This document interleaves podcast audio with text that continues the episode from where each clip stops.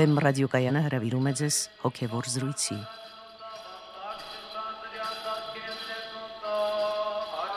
Սիրելի ունկնդիրներ, Վեմ ռադիոկայանի եթերում են արժանապատիվ Տեր Մեսրոպ Քահանա Արամյանը եւ Արա Սարգսակ Նալչաջյանը։ Այսօր կզրուցենք հայոյությունների մասին։ Օրհնեցեք Տեր հայր։ Աստված օրհնի։ Տեր հայր, Սուրբ Հուդա Առաքյալը հանդիմանությամբ ասում է Սուրբ գրքում. Արհամարում են Աստծո իշխանությունը հայհոյում երկնային փառավոր էակներին այն դեպքում, երբ Միքայել հրեշտակապետը բանսարկու սատանայի հետ Մովսեսի մարմնի մասին վիճելիս չհամարցակվեց հայհոյալից խոսքերով դատապարտել նրան, այլ ասաց. «Տերը թող սաստի քեզ»։ Հայտնության գրքում ների մասին գրված է, եւ նա իր բերանը հայհոյանքով բացեց Աստծո դեմ եւ հայհոյեց նրա անունը, նրա խորանը եւ երկնքի բնակիչներին։ Նաեւ Սուրբ Հակոբոս Առաքյալը ասում է. «Միթե նույն աղբյուրից քաղցր եւ դառը ջուր կբխի» եւ շեշտում է, որ չի կարելի հայհոյել կամ անիծել մարդկանց, որոնք Աստծո պատկերով են ստեղծված։ Եվ բազմաթիվ այլ հիշատակություններ կան Սուրբ գրքում հայհոյության, հայհոյանքի մասին։ Բացի այդ, մեր առօրյայում այսօր հաճախ կամ երբեմն առիթ ենք ունենում բախվելու այս երևույթին զանազան հայհոյանքների, հիշոցների, չար լեզվի դրսևորման այս բնագավառը բավական տարածուն է եւ զանազան տեսակներով ու զանազան կերպերով է հանդես գալիս։ Ուրեմն ինչ է հայհոյությունը եւ կարելի է ինչ որ դասակարգման ենթարկել այն։ Իսկապես ըստ Սուրբ գրքի եւ ըստ եկեղեցու հայրերի գրվածքների հայհոյությունը ինքը շատ ծանր մեղք է եւ հայությունը դա պարզապես ինչ որ անարգանք չէ, սոսկ ինչ որ անարգանք կամ արհամարանք չէ, ուղված մարդարարածը կամ որ ավելի վատ է ուղված առ Աստված, այլ հայության մեղքը շատ ավելի խորը գնացող մեղք է, դա ըստ էության լեզվի ամենածանր մեղքերից է, բամբասանքի հետ միասին, եթե հիշում եք զղջման տեքստի մեջ դրանք իրար կողք են դրված բամբասելով եւ հայելով Հəm դրանք դիտվում են որպես շատ ծանր մեղքեր։ Ինչու, որովհետև դա ուղված է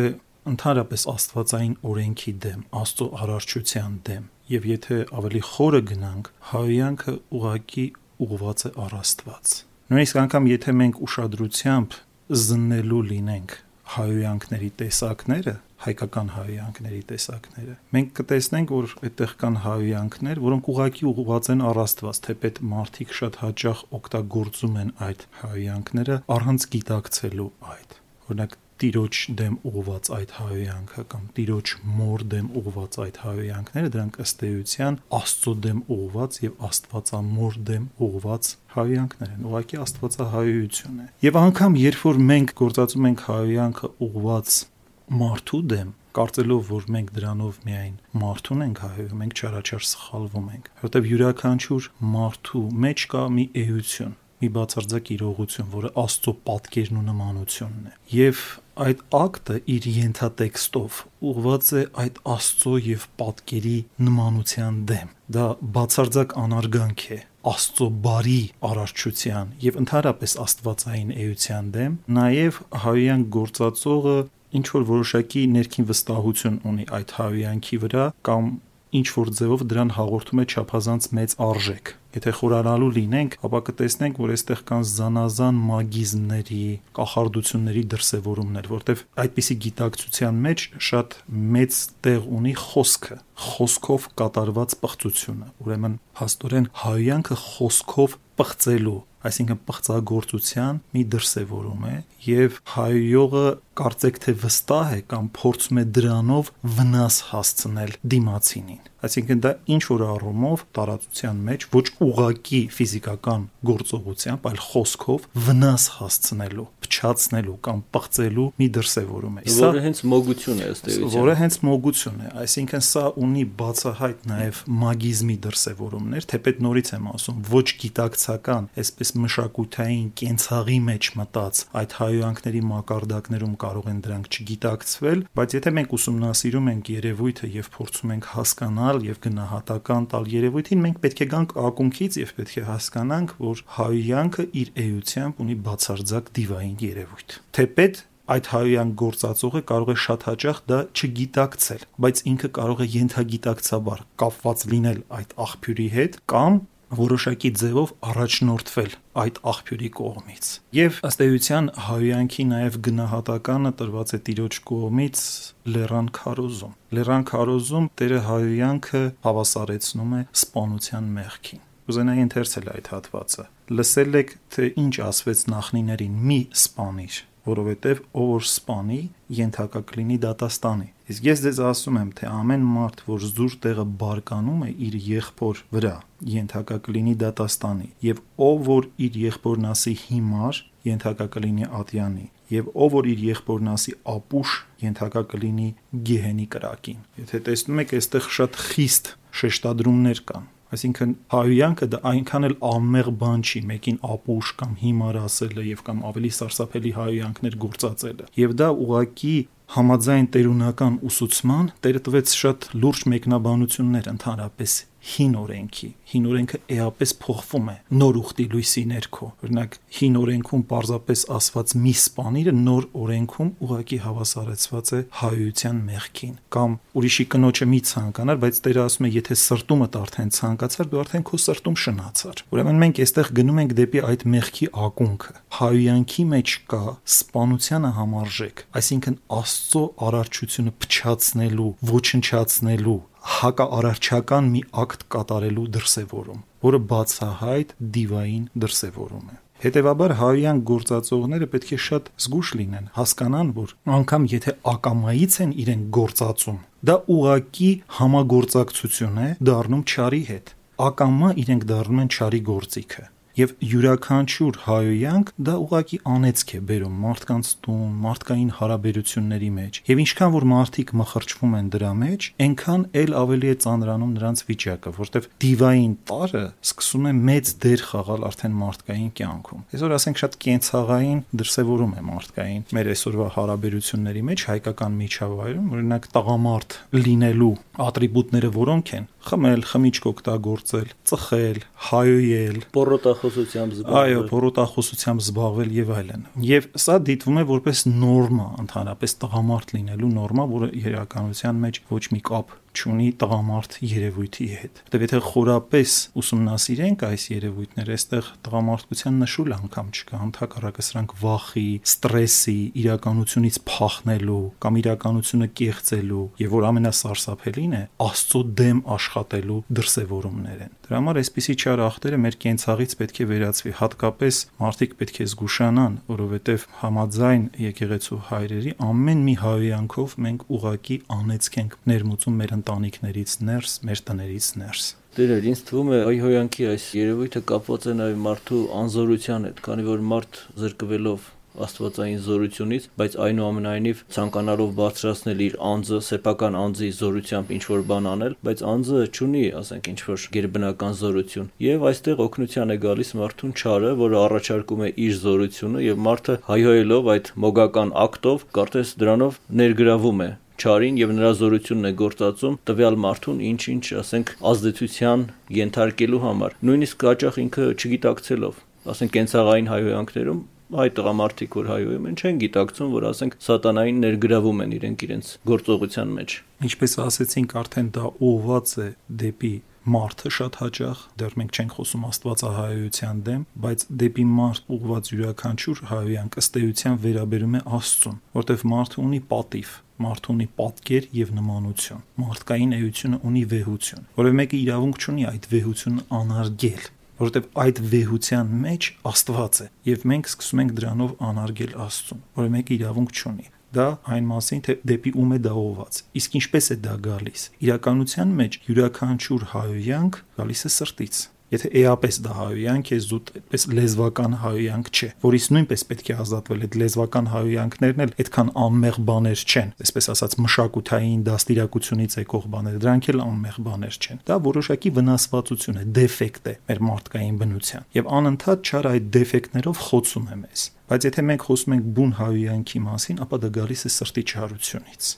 Եվ դա ամենածանր հայոյանքի տեսակն է համաձայն Գրիգոր Տաթևացու ուրեմն սրտով հայոյելը, երբ որ բերանի հայոյանքին զուգակցված է սրտի չարություն։ Այսինքն նաև ատելությունը, այդ մարդու հանդեպ աստծո պատկերի եւ նմանության։ Դա ատելություն է, դա նախանձ է, դա բարկություն է, դա զանազան մեղքերի խառնուրդ է։ Եվ մի հատ այդպիսի ակտով մարդը կարող է ամենաբարձր հոգևոր բարձունքից իջնել ամենախորը անդունդը եւ կորցնել այն, ինչ որ ինքը ձեռքեր բերել երկար տարիների ընթացքում, ասենք ինչ որ առաքինության ճիքերով եւ այլն։ Հայոյանքի դրսևորումը ունի այդպիսի սարսափելի ազդեցություն մարդկային բնության վրա։ Այսինքն ուղակի դա նշանակում է ինքնասպանություն։ Եթե դիմացինի դեմ ուղված է դա որպես սպանություն, այսինքն հավասարեցվում է համաձայն տերունական խոսքի սպանությանը, ապա սեփական անձի համար դա ուղակի ինքնասպանություն է։ Այդպիսի բան անելը, որտեղ այդտեղ բազմաթիվ ծանրագույն մեղքերի համախումբ կա եւ որ ամենասարսափելին է դա իհարկե ատելության նաեւ բարձրագույն դրսևորում է որը հակառակ է քրիստոնեական կյանքի հիմնական օրենքին սիրո օրենքին եւ սիրո օրենքից բխող զանազան հոգեվոր դրսևորումներին եւ առաքինություններին, ինչպիսին է խոնարհությունը, հեզությունը, համբերությունը, անհիշաչարությունը եւ այլն։ Եթե սրանց բոլոր հակառակ տեսակները այս առաքինությունների քննելու լինենք, ապա կտեսնենք, որ դրանք շատ մոտ են այնպիսի բարկական վիճակների, որոնք ի վերջո վերածվում են հայոյանքի մարդու նկատմամբ։ Դեր էր, որ հայհոյողը վնասում է սեփական հոգուն, դա հասկանալի է, մեղանչելով Աստծո դեմ, մեղանչելով Աստծո պատկերի եւ նմանություն հանդիսացող իր ընկերոջ դեմ։ Սակայն ինչ ազդեցություն ունի կամ ունի արդյոք որևէ ազդեցություն հայհոյանքը այն մարդու վրա, ում դեմ այն ուղված է։ Հնուց ի վեր ընդհանրապես խոսքը դա սոսկ ինչ որ հարաբերության գործիք չի համարվել խոսքը ունի զորություն յուրաքանչյուր խոսք ունի զորություն դրա համար մենք մեր բերանից ելնող յուրաքանչյուր խոսքի համար պարտական ենք խոսքը պետք է չափավոր գործածել, խոսքը պետք է գործածել իր նպատակի համար, բերանը պետք է գործածել իր նպատակի համար։ Այսինքն Աստված մեզ տվել է խոսելու կարողություն, բանի կարողություն է տրված մեզ։ Մենք բանական էակներ ենք։ Աստծո որդին գրում է բանն Աստված անունը։ Դրանով ցույց է տրվում նաև մեզ, որ մարդու բանական զորությունը, բանական արարած լինելը մարդկային էության վեհագույն հատկանիշներից մեկն է, աստվածանման հատկանիշներից մեկն է։ Եվ հենց հայոյանքով մենք դա գլխիվայր շրջում ենք այսինքն ուղակի անարգում ենք մեր ամենավեհագույն պատկերը մեր բնության մեջ դրված Եվ ինչպես արդեն ասացի, խոսքի համար պետք է պատշաճություն, խոսքի համար պետք է չափավորություն, խոսքի համար պետք է կրթություն եւ այլն հազար ու մի բաներ, որպեսի մեր խոսքը լինի հղկված, լինի պատշաճ եւ իր նպատակին ծառայի։ Օրինակ, բերանը մարդուն տրված է ինչի համար։ Նախ եւ առաջ Աստծուն փառաբանելու համար աղոթքի համար է տրված, օրհնության համար է տրված, բարի բաներ մաղթելու համար է տրված, ճշմարտությունը ներկայացնելու համար է տրված եւ ոչ թե անիծելու, հայոյելու, բամբասելու, կեղծելու, նենգելու, չարախոսելու այսպիսի բաների համար չի տրված բերանը։ Եվ հենց որ մենք այսպիսի մեղքերի մեջ ենք մտնում, մենք փաստորեն անարգում ենք մեր մարդկային պատիվը, մեր մարդկային էություն, որտեղ մենք սկսում ենք նենգել մեր մեջ դրված ամենագլխավոր թերևս զորությունը, բանական զորությունը, որտեղ դրանով է նախ մարդը մարդ իր բանական զորությամբ։ Դա բարձրագույն կարողությունն է մարդու։ Եվ սա նկատի ունենալով հավանաբար չարը փորձում է անընդհատ խաթարել մեր այդ զորությունը չթողնել որ մարդու այդ գլխավոր զորությունը ծառայի մարդու փրկության համար, այլ անընդհատ ինքը խաթարում է դա մեր մեջ սերմանելով հայյանք, մեր մեջ սերմանելով չարախոսություն, բամբասանք եւ այլ լեզվի զանազան մեղքեր։ Եվ աստորեն հարվածելով մարդկային էության բարձրագույն մասին աշխատում է որքան հնարավոր է մեծ լինի այդ վնասը մարդուն հասցված։ Այո։ Դեր այջ Պողոս Պատրիարք Ադրիանոպոլսեցին այսպես է գրում հայհոյանքի մասին, որ ես կուզենայի ընթերցել այդ հատվածը։ Այդ ժամ կարելի է տեսնել մի այլանդակ հրեշի կամ անզգամ ու անբան մեկի, որովհետև բարկասիրտ հայոյողն իսպար կորցնում է, բարին ու չար ճանաչարն ընտրելու ընտունակությունը։ Ոչ ծնողներին է ճանաչում, ոչ որդուն խնայում, ոչ սիրելիներին ու բարեկամներին տարբերում, այլ առհասարակ ամենքին անարգում է ու հայոյում մինչև որ խիստ բորբոքվածությունից բերանը երկրի վրա ունենալով լեզվով երկնքին է հասնում։ Խելագարված հանդգնություն է գործում հոգևորի, չասեմ թե Աստծո հանդեպ։ Վայ այս դժբախտներին։ Նրանց լեզուները երկսայրի սրի պես մտնում են իրենց սիրտը եւ մահացու վերք բացում իրենց հոգիներում, բայց հիմարները կարծում են, թե ուրիշներին են վիրավորում։ Ոստի խիստ զգուշալի է այս չար ախտը, որովհետեւ ատելի է դարձնում Աստծո եւ մարդկանց առաջ։ Ինչից է առաջանում մարդու մեջ աստվածային պատկերի այս օրինակ այլափոխությունը, ինչպիսի այլ ախտեր կարող են դրված լինել հայհոյանքի հիմքում։ Հայոյանքի հիմքում, ինչպես մենք արդեն ասացինք, կան դրված զանազան ախտեր։ Դա կլինի ատելություն, դա բարկություն, նախանց եւ այլն։ Իսկ արդյոք միայն ախտերն են դեր, օրինակ սաստիկ կսկիծը, դառնությունը, տրտմությունը չի կարող պատճառ դառնալ, որ դրանից դրթված մարդը հայոյի։ Կարող է հուսահատության իրավիճակներից մարդը հայոյել իր անկարողությունից, իր անօքնականությունից զանազան դրսևորումներ կարող են լինել, բայց մենք պետք է հստակ մեր գիտակցության մեջ ֆիքսենք մի բան, որ հայոյանքի աղբյուրը չարն է ուղակի կամ անուղակի եւ ամեն անգամ երբ որ մենք հայում ենք դա համագործակցություն է ըստ էության որոշակի դիվային ուժերի հետ եւ ինչքան որ հայոյանքի աստիճանը մեր կյանքում մեծանում է այնքան պակասում է մեր կյանքից աստծո օրհնությունը ինչքան հասարակական կյանքում դա դառնում է խիստ գործածական այնքան այդ հասարակությունից տրտմած հեռանում է սուրբ հոգին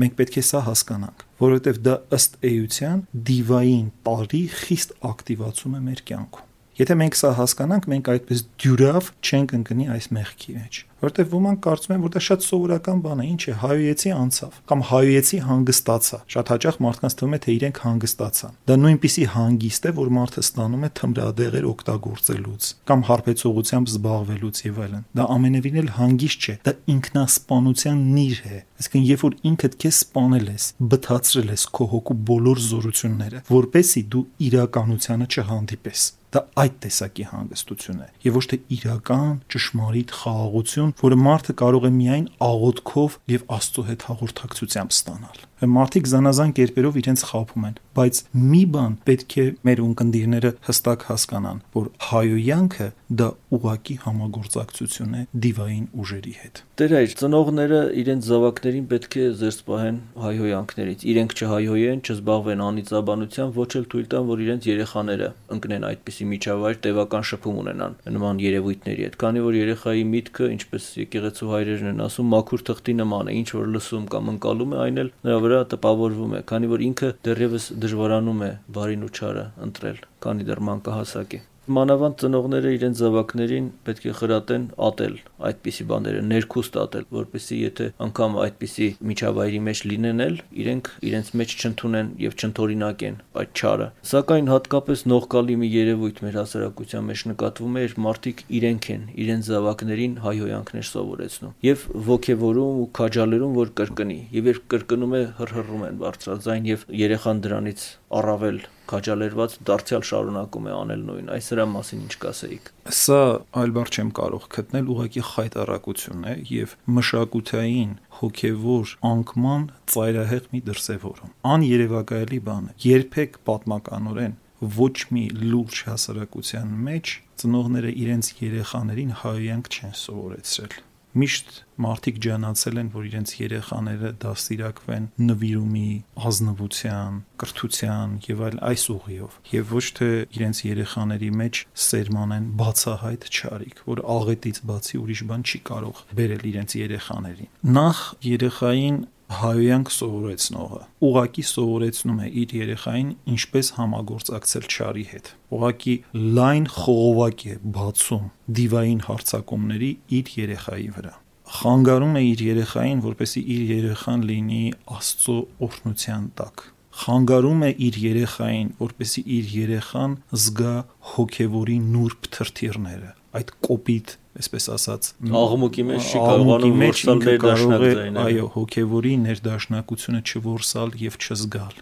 այսինքն տվյալ երեխան կարող է ընդհանրապես այդ նրբության զգացողությունները կորցնել առհասարակ եթե ծնողների կողմից այդպիսի բաներ են ներդրվում երեխայի մեջ ես լիովին համոզված եմ որ դա բերում է երեխայի մտավոր ունակությունների խիստ նվաղեցման եւ այլ զանազան ճարիքների պատճառ է դառնում։ Եվ զարմանալի է ուղղակի, ասենք, ծնողները ինչ են փորձում դրանով իրենց երեխաներին սովորեցնել։ Երևի այս տխուր, չգիտեմ, գողական մենթալիտետ ասեմ կամ ինչպիսի բառով բնորոշեմ այդ վիճակը, այս մեջ այդ խավարի մեջ արդեն ընկնված մարդիկ փաստորեն փորձում են իրենց այդ խավարային իրավիճակը տարածել իրենց ворթիների վրա, իբրև թե իրենք արդեն հասել են այնպիսի ճշմարտության բարձրագույն գագաթների, որ փորձում են այդ փոխանցել իրենց զավակներին, ինչի են հասել այդ մարդիկ հայելով։ Ինչի են հասել այդ մարդիկ այդպիսի պղծությունների միջոցով։ Ոչինչ եւ ինչ կարիք կա երեխաների այդ անաղարտ հոգիները լցնել այդպիսի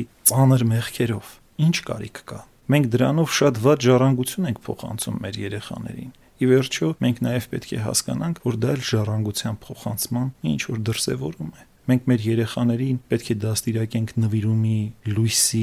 այսպիսի զգացողություններով, առաքինության, որպեսզի երեխան ձգտի բարձրագույններին, բարձրագույն առաքինությունների, որպեսզի երեխան կարողանա իր կյանքի ընթացքում ճշմարտությունը գտնել, որպեսզի իր երեխան հասնի ի վերջո երջանկության, որտեղ միայն ճշմարտության մեջ կարող է մարդկային հոգին լիակատար ազատություն ստանալ, հասնել այդ ազատության բարձրագույն դրսևորումներին։ Եվ դրանով մենք խիստ տկարացնում ենք խիստ տկարացնում ենք մեր երեխաներին։ Էլ չեմ ասում, որ ընդհանրապես դա ներընտանեկան կյանքում ինչպիսի սարսափելի իրավիճակներ է ստեղծում։ Եվ ոչ միայն սովորեցնում են երեխաներին, շատ հաճախ մեր ականջին հասնում են այնպիսի դեպքեր, երբ ամուսիններն են իրար հետ հայյանքով խոսում, հայյանքով եւ անեծքով խոսում եւ այսպիսի բաները շատ կտրուկ ազդեցություն կարող են ունենալ երեխայի հոգեբանության վրա։ Դա միանգամայն անընդունելի է եւ որ ծնողը որ կարծում է, որ դրանով իր երեխային ինքը բարիք է գործում կամ իր երեխային ճարպկություն է սովորեցնում, խորամանկություն է սովորեցնում կամ այս կյանքում ճիշտ կողմնորոշվելու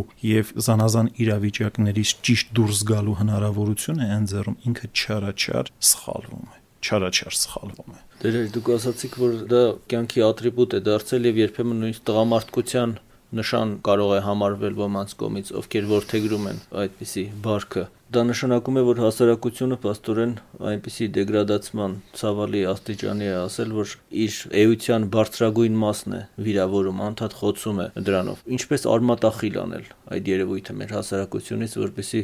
մենք մեր զավակները զերծ մնանք դրանից։ Դրա ուղին մեկն է։ Ինչքանով մեր մեջ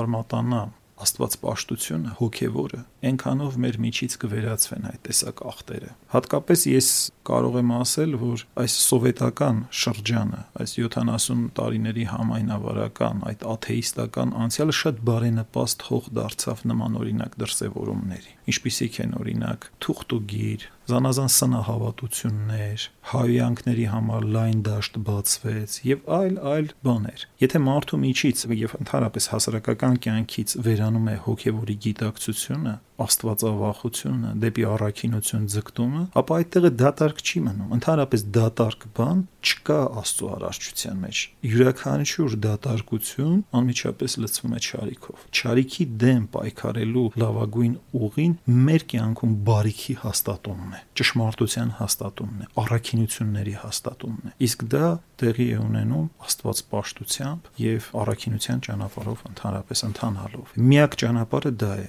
օրինակ յուրաքանչյուր մարդ, որ սկսում է աղոթել, երբ որ ինքը առնչվում է աղոթքի զորությանը, ինքը այլևս խիստ կզգուշանա այդ նույն բերանը օգտագործել հայյանքի կամ անեծքի համար։ Ուրեմն, եթե դուք հարցում եք ինչպես պայքարել հայյանքի դեմ, ես պետք է ասեմ, որ աղոթելով, օրհնելով եւ ճշմարտությունը վկայելով Սրանով մենք կպայքարենք հայյանքի դեմ եւ հայյանքը մեր միջից ուրեմն կարող ենք իսպառվանել եւ ծնողները փոխանակ հայյանք սովորեցնեն իրենց երեխաներին։ Ավելի լավ կլինի, որ իրենց երեխաներին սովորեցնեն աղոթել որտեվ երեխան կաղոթի եւ իր հոգու փրկության համար եւ նաեւ ոչ այդքան հոգեվոր գիտակցություն ունեցող ծնողների հոգու փրկության համար դեր է այդ միջոցը հոգեվոր ճանապարհով ընթանալու եւ այդ միսով հայոյանքի եւ մյուս ախտերից ազատվելու կարող ենք ասել որ վերաբերում է թե հասարակությանը ամբողջապես թե առանձին մարդուն անհատապես նույնիսկ այսինքն եթե իր շրջապատը հասարակությունը այդպեսին չէ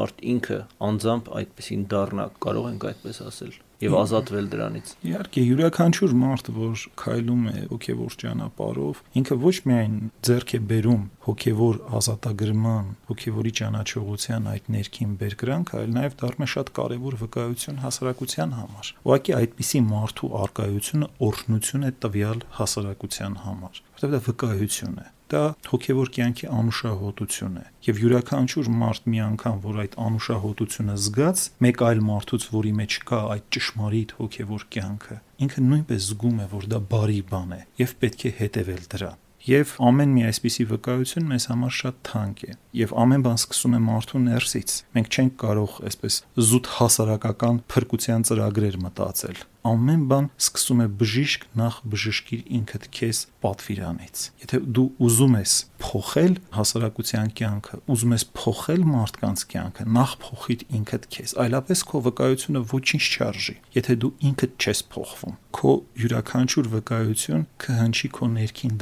դատարկությունից ուղակի սա է հայրերի ոսկե օրենքը այն բանը ինչ որ որ դու չես իրագործել կամ չես փորձում իրագործել դրա մասին տրված քո վկայությունը այդքան էլ արժեքավոր չէ Սակայն այնուամենայնիվ դեր հայր ներկայումս մեր հասարակության մեջ հայոյանք երևույթը արկա է կա եւ ինչպես վարվել երբ հայոյում են մեզ մանավանդ եթե որևէ հանցանք գործած չենք լինում այդ դեպքը եթե անմեղ ենք տվյալ պարագայում Գիտեք, դրան վերաբերելու զանազան ձևեր կան, կան կատարյալ ձևեր, որոնք նկարագրված են ավետարանում։ Եվ եթե մենք նույնիսկ այդ կատարյալ ձևերի մեջ չկանք, այսինքն չենք կարողանում հայոյանքին օրհնությամբ պատասխանել, գոնե եկեղեցու հայրերը խորհուրդ են տալիս համբերել եւ լռել եւ ոչ մի դեպքում ճարիքով չպատասխանել ճարիքին դա ավելի է վատթարացնում վիճակը դա բերում է արդեն անախորժությունների զանազան կռիվների ծեծ կրտուքի եւ կարող է նույնիսկ սպանության պատճառ դառնալ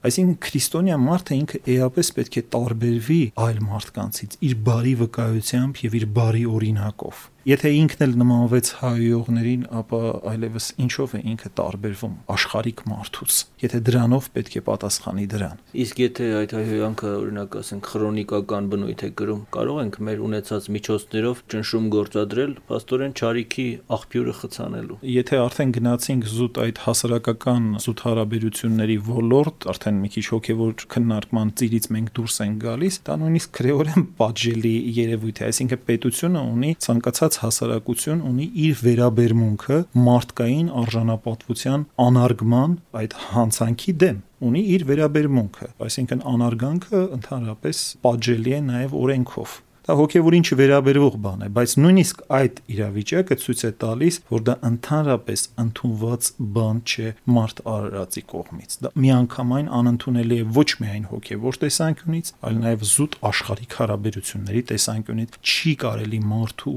արժանապատվությունը վիրավորել հասկանալի է դեր այր հարցը հետեւյալն է. արդյոք հոգևոր տեսանկյունից ընդունելի է երբ հայոյում են քրիստոնյային եւ քրիստոնյան այդ ձեր ասած միջոցները իրավաբանական, չգիտեմ, հասարակական եւ այլն ներգրավի այդ ճարիքը զսպելու համար Ես ճիշտ ասած չեմ կարծում, որ դա այդքան ընդունելի է, որտեվ քրիստոնյան ավելի պետք է դրսևորի ներողամտության հոգի։ Եթե ինքը շարժվեց այդ իրավաբանական լուծումների ճանապարհով, դա կտանի լրիվ այլ մի ծայրահեղության։ Քրիստոնյան պետք է ների, ներումի հոգի դրսևորի, եւ դրանով ինքը կարող է ուղակի դարձի բերել այդ մարդուն դարձի բերել եւ ոչ թե գրգռել իր վերաբերմունքով, որ մարդը ավելի հաստատվի իր ճարիքի մեջ եւ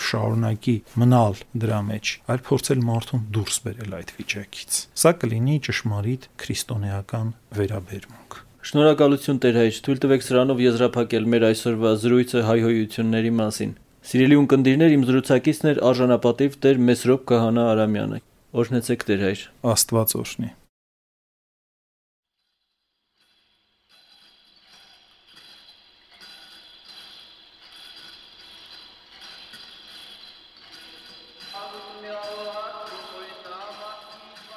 Հոգևոր զրույցներ հաղորդաշարի հերթական հաղորդումը վարեց Արաս Սարգսակ Նալչաջյանը։